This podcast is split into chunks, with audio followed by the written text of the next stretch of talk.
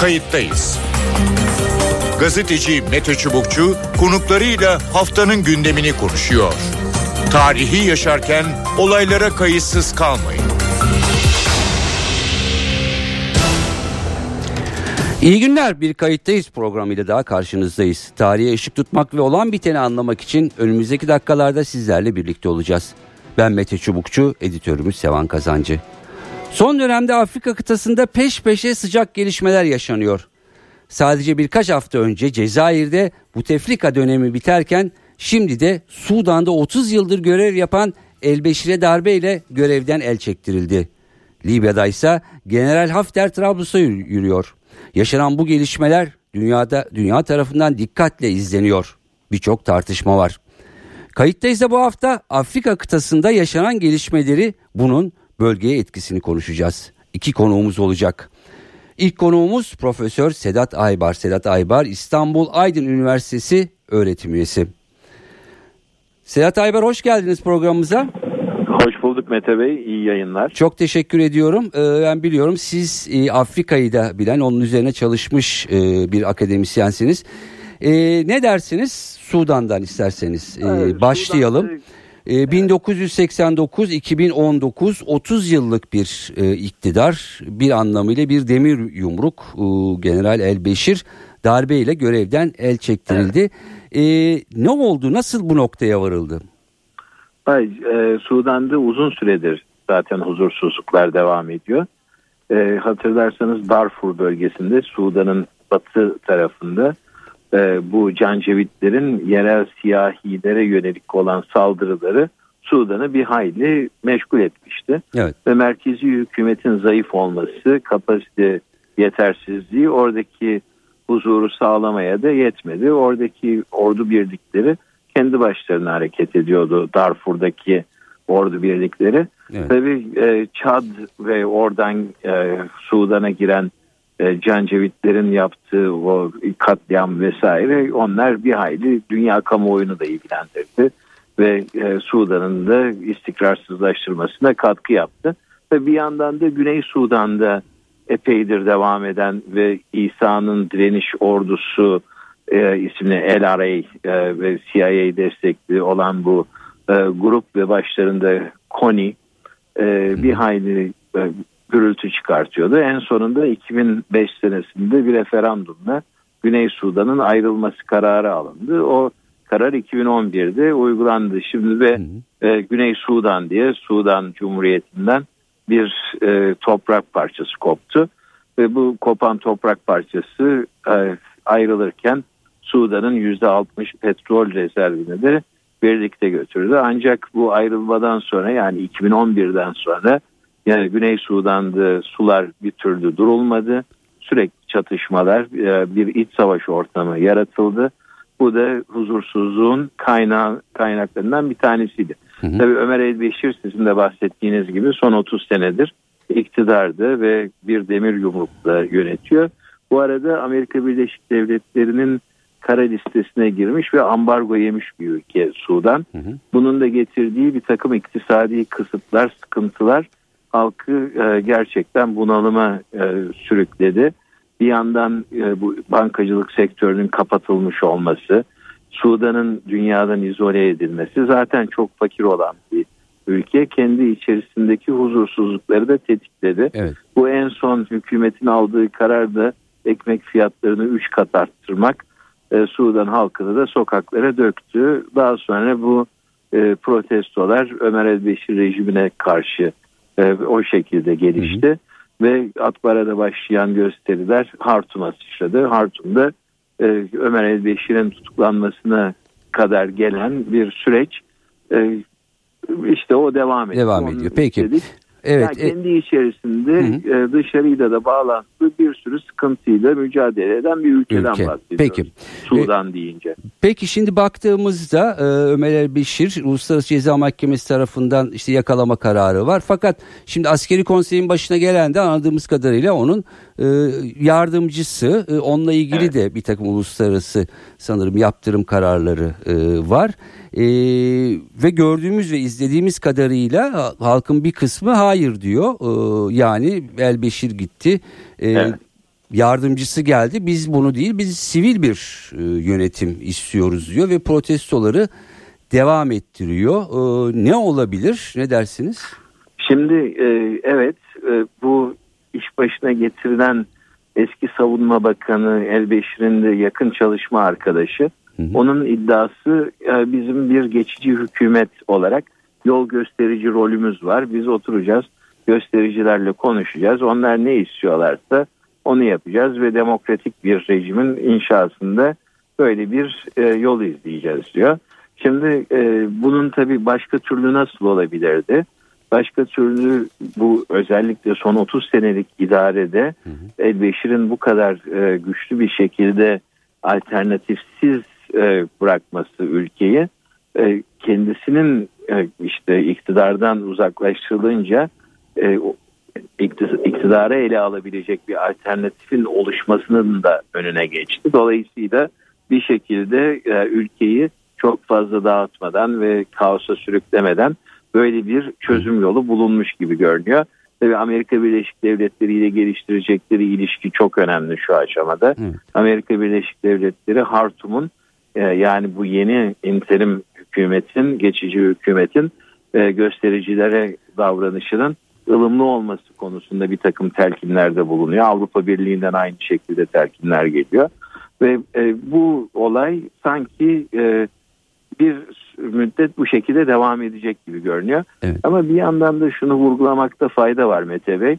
Sudan ve bu geçici hükümet Buyurun. bir başka sorunla da e, baş etmek zorunda. O da bölgesel sorunlar. Yani Mısır'da Sudan arasında evet e, bir sınır anlaşmazlığı var. Uzun süren bir sınır anlaşmazlığı. Etiyopya ile Sudan arasında bir takım anlaşmazlıklar var.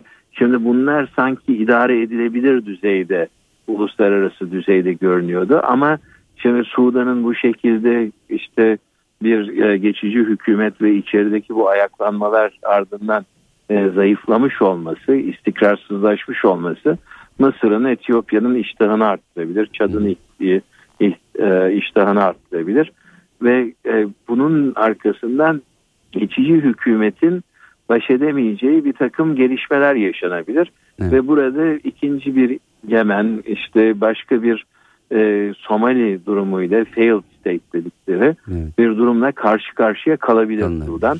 Hı hı. E, bunun da yani değerlendirmesini daha sağlıklı yapabilmek için önümüzdeki birkaç günü izlememiz gerekiyor. Bu e, özellikle çok da fazla organize örgütte olmayan protestonun nasıl bir yöne, yöne doğru evrileceğini izlememiz gerekiyor. Evet. Bu e, bu da iş başındaki o e, idarenin birazcık daha e, protestocuları e, sakinleştirmesinden öyle bir beklenti içerisine sokuyor insanları. Hı hı. Yani orada da ılımlı bir yaklaşım görüyoruz. Yani bu e, süreci idare edebilmek ve Sudan'ı çok fazla hırpalamadan bu işin içerisinden çıkartıp hı hı. ve çok partili rejim e, içerisinde işte yapılacak serbest seçimlerde yeni bir e, hükümetin inşa edilmesi yolunda bir takım adımlar atılacağı beklentisi evet. en e, iyi senaryoların başında, başında geliyor. Kötü senaryo ise e, tamamıyla istikrarsızlaşmış ve e, savaşan birbirine gırtlak gırtlağa gelmiş kabileler durumu e, ile karşı karşıya evet. kalabiliriz. Böyle bir e, durumun gelişmesine de özellikle Türkiye hiç arzu etmez. Evet. Ve eminim Türkiye'den de bu konuda bir takım girişimlerde bulunacaktır e, Türkiye. E, Sudan'ın bu e, dönemi, bu süreci birazcık daha az hırpalanarak zarar, zarar. almadan atlatabilmesi evet. için. Evet e, şu Darfur'da e, yaşananlar e, o iç savaşların unutulmuş değil. Birçok katliamlar evet. söz konusu. Umarız o tür şeyler tekrar yaşanmaz ama genel bir soru ama kısa bir cevap belki alabiliriz. E, Afrika'nın geneli belki de o bölgesi bu makus talihini nasıl yenecek? Yani bir yandan işte ekonomik e, krizler, yoksulluk, Afrika'nın o evet. E, kaderi, bir yandan otoriter e, yönetimler, evet. bir yandan uluslararası birçok ülkenin müdahil olduğu olaylar. Evet. Yani dediğiniz gibi trajediler çok fazla ama şu dönem e, trajedilerin e, yok olması ve bu makus talihin yenilmesi anlamında çok da iyi bir dönem değil. Değil, evet. Çünkü Orta Doğu'daki çatışmaların coğrafyasının Afrika kıtasına taşındığı yönünde oraya doğru yayılacağı yönünde bir takım indikasyonlar, bir takım sinyaller var. Hı hı. Afrika coğrafyası şayet bu küresel güç çekişmesi, e, güç çekişmelerinin yeni coğrafyası olarak ortaya çıkacak, çıkıyor ise böyle bir durum tabii arzu edilebilir bir şey değil. Hiçbir yer için arzu edilir değil. Ama öyle görünüyor ki özellikle bu Çin- Çin'in kuşak yolu inisiyatifi Hı. onun ardından Amerika Birleşik Devletleri'nin Afrika kıtasında aldığı pozisyon Avrupa Birliği'nin ve geleneksel sömürgeci güçlerin aldığı pozisyon sanki kıtanın önümüzdeki dönemde bu küresel güç çekişmelerinin merkezine oturacağı, o coğrafyayı oluşturacağı şeklinde. Bu anlamda o makus talihin yenilmesi konusunda da çok olumlu ve e, iyimser bir dönem içerisinde olduğumuzu düşünmeyenlerdenim ben. Hı. E, umarım ben haksız ve yanlış çıkarım ve Afrika kıtası en kısa zamanda o makus talihini yener. Çünkü potansiyel olarak çok fazla zenginliğe sahip olan bir kıta, insan gücü olarak çok zengin olan bir kıta ve e, özellikle bu dijitalleşme çağdaş dünyada Evet. e, kıtanın önünde çok e, önemli bir takım e, kalkınma e, yolları açıyor. Umarım bu ikinci senaryo daha geçerli olur ve biz de daha iyimser senaryolar çizmeye devam edebiliriz. Peki e, son sorum olacak. Ee, Biraz önce biraz bahsettiniz. Ee, Belki dinleyicileri de aydınlatma e, amacıyla. Sudan tabii ki uzak bir coğrafya. Tarihi olarak aslında yakın bir coğrafya ama e, baktığımızda uzak bir coğrafya. Türkiye'nin e, ilişkileri söz konusu. E, Son dönemde yoğun ilişkileri.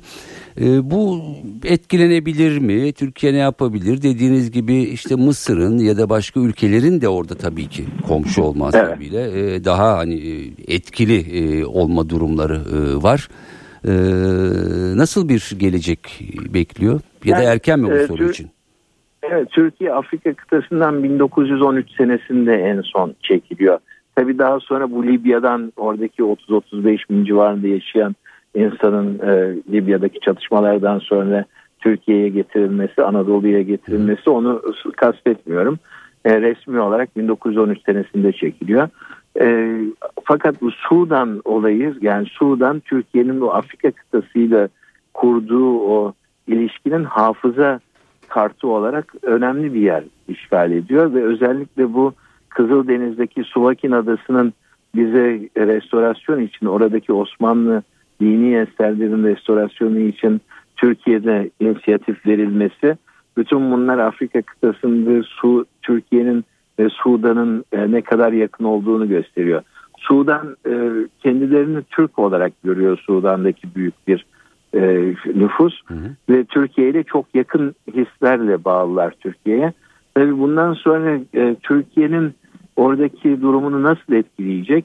Bu bölgesel gelişme ve o küresel çatışma Türkiye'nin bakın bir ucuyla S-400'ler, F-35'ler NATO ile ilişkisi, Batı ile kurduğu ilişkiyi de belirleyecek olan bir e, gelişme. Sudan'la olan ilişkisinin hangi şekilde evrileceği. O anlamda e, Türkiye'nin bu küresel duruşu açısından Sudan'daki gelişmeler ve Türkiye'nin orada alacağı refleks, göstereceği refleks çok önemli bir şekilde gündemimize oturacak, Oturacak gibi duruyor. Peki.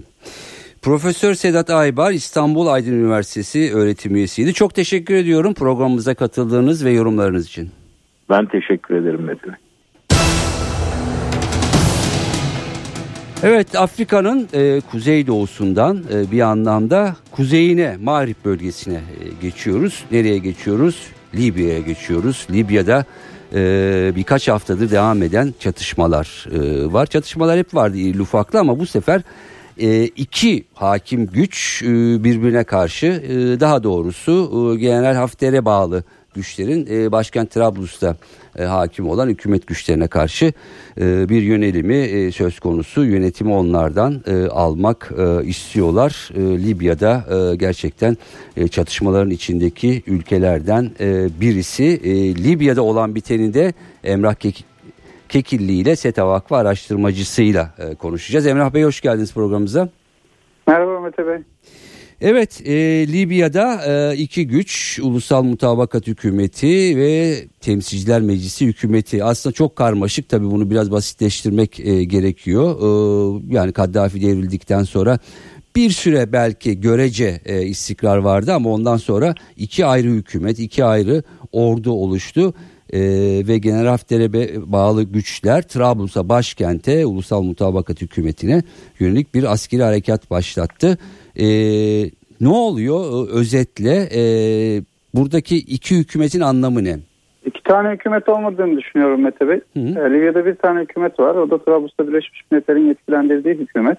Ee, Halife Haftar Birleş e, yani Abdullah Sini yani Tubuk'taki hükümetin talimatları çerçevesinde hareket etmiyor. Kendisi evet e, ee, 2014 yılının Mayıs ayında e, meşru ve seçilmiş olan parlamentoya karşı, meşru ve seçilmiş olan hükümete karşı darbe girişiminde bulunmuş illegal bir darbecidir. E, e Birleşik Arap Emirlikleri İsrail hattının e, var ettiği bir aktördür. Mısır tarafından özellikle Mısır darbesinden sonra lojistik olarak desteklenmektedir. Gene İsrail Birleşik Arap Emirlikleri'nin Fransa'da yaptığı lobiler lobi faaliyetleri sonucu özellikle Macron'un e, yönetime gelmesinden sonra e, Fransa hükümeti tarafından kabullenilmiştir. E, bu eksenin attığı adımlar özellikle Trump'ın ABD'de iktidara gelmesinden sonra Beyaz Saray yönetimi tarafından da himaye edilmektedir.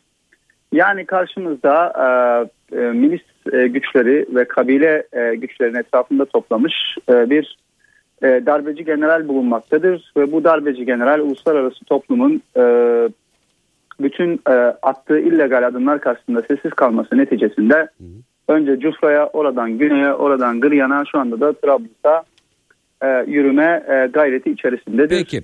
Birleşmiş şimdi Libya'da ve... e, ben de biliyorum ki yapı çok farklı. Yani şimdi Hafter'e bağlı aşiretler var ama diğer tarafa bağlı da aşiretler var.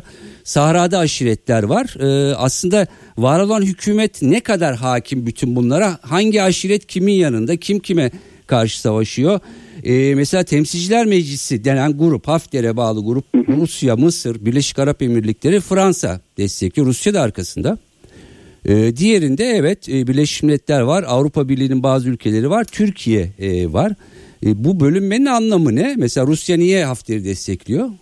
Şimdi şöyle Temsilciler Meclisi e, değil aslında. E, Temsilciler Meclisi 186 kişiden oluşuyor. Şu anda e, Hayır ben şunun için sale... soruyorum. Yani temsilciler meclisi derken ben e, normal medya üzerinden şimdi adlandırmamız gerekiyor. Yani ulusal mutabakat hükümeti var, yasal hükümet. Evet, bir de temsilciler Aha. meclisi diye yani bizim e, ismini öyle koyduğumuz e, bir hükümet yani yasal ya da değil. Ona çünkü ben başka bir isim şey yapamıyorum, bulamıyorum.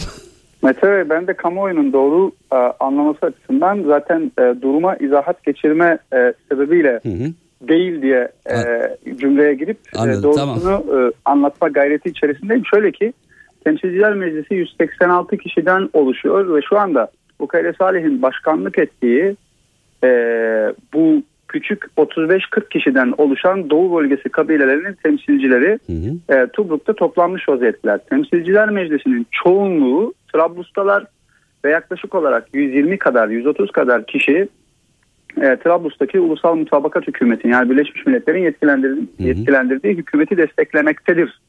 Yani şunu demek istiyorum Halife Haftar'ın teknik olarak yani Libya Anayasası'na göre 2015'in 2015 yılı sonunda Fas'ta imzalanan Libya siyasi anlaşmasına göre 2015 yılı sonunda e, toplanan e, Roma konferansı sonrasındaki ortak bildirgeye göre hı hı. Birleşmiş Milletler'in Libya'ya e, Libya ilişkin aldığı kararlara göre e, hiçbir şekilde ne Trablus'a operasyon yapma hakkı ne hiçbir siyasal e, söylemde bulunma hakkı ne de dünyanın hiçbir yerinde Libya halkı adına müzakere etme hakkı yoktur. Peki. Kendisi Birleşik Arap Emirlikleri'nin kendisine sunduğu finansal destekle, Mısır ordusunun kendisine sunduğu lojistik destekle ve Fransa-ABD hattının diplomatik himayesiyle illegal bir şekilde Trablus'a yürümektedir. Hı hı. Tıpkı Fransa e, Macron darbeci general Sisi'yi Kahire'de ziyaret ettiği gibi tıpkı ABD açıklamalarında Sudan'daki darbecileri ihtiva ettiği gibi aynı şekilde de Haftar'ın bu illegal adımlarını ihtiva etme temayülü göstermektedir. Bir tarafıyla çatışmalara son verin derken diğer taraftan e, çatışmalara son vererek müzakere masasına dönün e, mesajıyla şunu söylemektedirler. Eğer Hafter Trablus'u alamazsa bizim açımızdan hala masadadır. Yani buradan şunu anlıyoruz ki illegal bir darbecinin Trablus kapılarına kadar dayanıp 100 tane genci öldürmesinin arkasından eğer hala Trablus'u alamazsa hı hı. kendisi hala diplomatik bir muhatap olarak e, kabul görecektir. Yani ona şu garanti verilmiş oluyor. Eğer Trablus'u silah zoruyla alamazsan biz seni hala e, masada aktör olarak tutmaya devam edeceğiz. Peki. Aslında Peki bu mücadelenin arkasında temel olarak yatan e, gerekçeyi isterseniz konuşalım. Şöyle diyelim Mete Bey, bölgede iki tane kamp var. Hı hı. E, bu kamplardan bir tanesinin e, liderliğini İsrail yapmaktadır. Executive Manager'ı yani uygulayıcı müdürü ise Birleşik Arap Emirlikleri'dir. E, bu eksenin himayesi de e, Trump ve damadı Kushner'in e, e, e, Beyaz Saray'da öncülük ettiği e, İsrail lobisidir. Bu eksen bölgeyi kendi seçkin sınıfları üzerinden yeniden dizayn etme çabası içerisindedir. Yani Libya meselesi aslında bölgesel bir krizdir.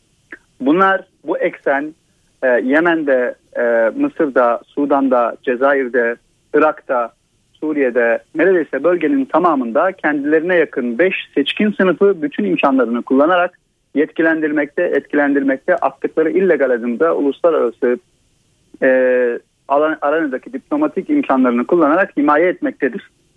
Bunun karşısında ise toplumsal taleplere öncülük eden kanaat önderleri e, ve siyaset yapıcılar toplumsal taleplere karşılık veren bir siyasal düzen e, tesis etme gayreti içerisindedir. Ve benim anladığım kadarıyla bu çatışma önümüzdeki 10 yıl boyunca da devam edecektir. Peki. Ee, sanırım bir dakikamız e, var. Ee, peki e, Türkiye-Libya e, ilişkileri tabii ki çok uzun tarihsel boyutları hı hı. E, var. Bu son gelişme üzerine e, Türkiye'nin tavrı e, ve yaklaşımı ne olmalı e, onu alalım buyurun. Türkiye şu ana kadar tamamıyla yapıcı bir e, tavır izledi. Yani gerek 2015'te devam eden e, FAS müzakereleri sırasında müzakere sürecinin ve siyasal çözümün yanında yer aldı. 2015'ten sonra Libya siyasi anlaşmasının uygulanması için Başkanlık Konseyi'nin yerinde yer aldı. Kendisine yakın isimlerin tamamına bu e, Başkanlık Konseyi'ni kabullenmesi için telkinde bulundu. Ve Libya bir savaşın içerisine çekilirken bu savaşı arkadan e, yönetenlere açık ve net bir şekilde bu yaptıklarının yanlış olduğunu hatırlattı. Türkiye Libya'da siyasi çözüm istemektedir. Asimetrik e, araçlarla bir darbeci generalden aktör üretenlere bunu yapmanız bölgeyi krize sürüklemektedir mesajı vermektedir. Hı hı. Ancak açmadığımız şudur. Türkiye bütün bunları söylerken e, maalesef e, küresel ve bölgesel partnerler açısından karşıdaki eksene göre nispeten zayıf kalmaktadır. Dolayısıyla söylediklerinin sahadaki tesirleri de diğerleri kadar e, etki gösteremeyebiliyor. Peki. Ee, umarız e, orada da e, hem diplomatik hem demokratik e, hem de istikrarlı bir çözüm e, söz konusu olur. Emrah Kekil'i çok teşekkür ediyorum programımıza katıldığınız ve yorumlarınız için. Ben teşekkür ederim Mete Bey. Saygılar. Mersi. Kayıttayız da e, bu hafta Afrika'nın e, farklı iki bölgesinde ama iki önemli ülkesindeki gelişmeleri e, ele aldık. E, uzak coğrafya gibi görünüyor ama birçok açıdan Türkiye'ye de e, yakın e, ülkeler bunlar. Orada olan bitenler e, farklı coğrafyaları e, etkileyebiliyor ki e, muhtemelen de öyle olacak e, gibi görünüyor. E, Kayıttayız'dan bu haftalık bu kadar. Ben Mete Çubukçu, editörümüz Sevan Kazancı. Haftaya farklı bir konuda yeniden buluşmak üzere. Hoşçakalın. Kayıttayız. Gazeteci Mete Çubukçu konuklarıyla haftanın gündemini konuşuyor. Tarihi yaşarken olaylara kayıtsız kalmayın.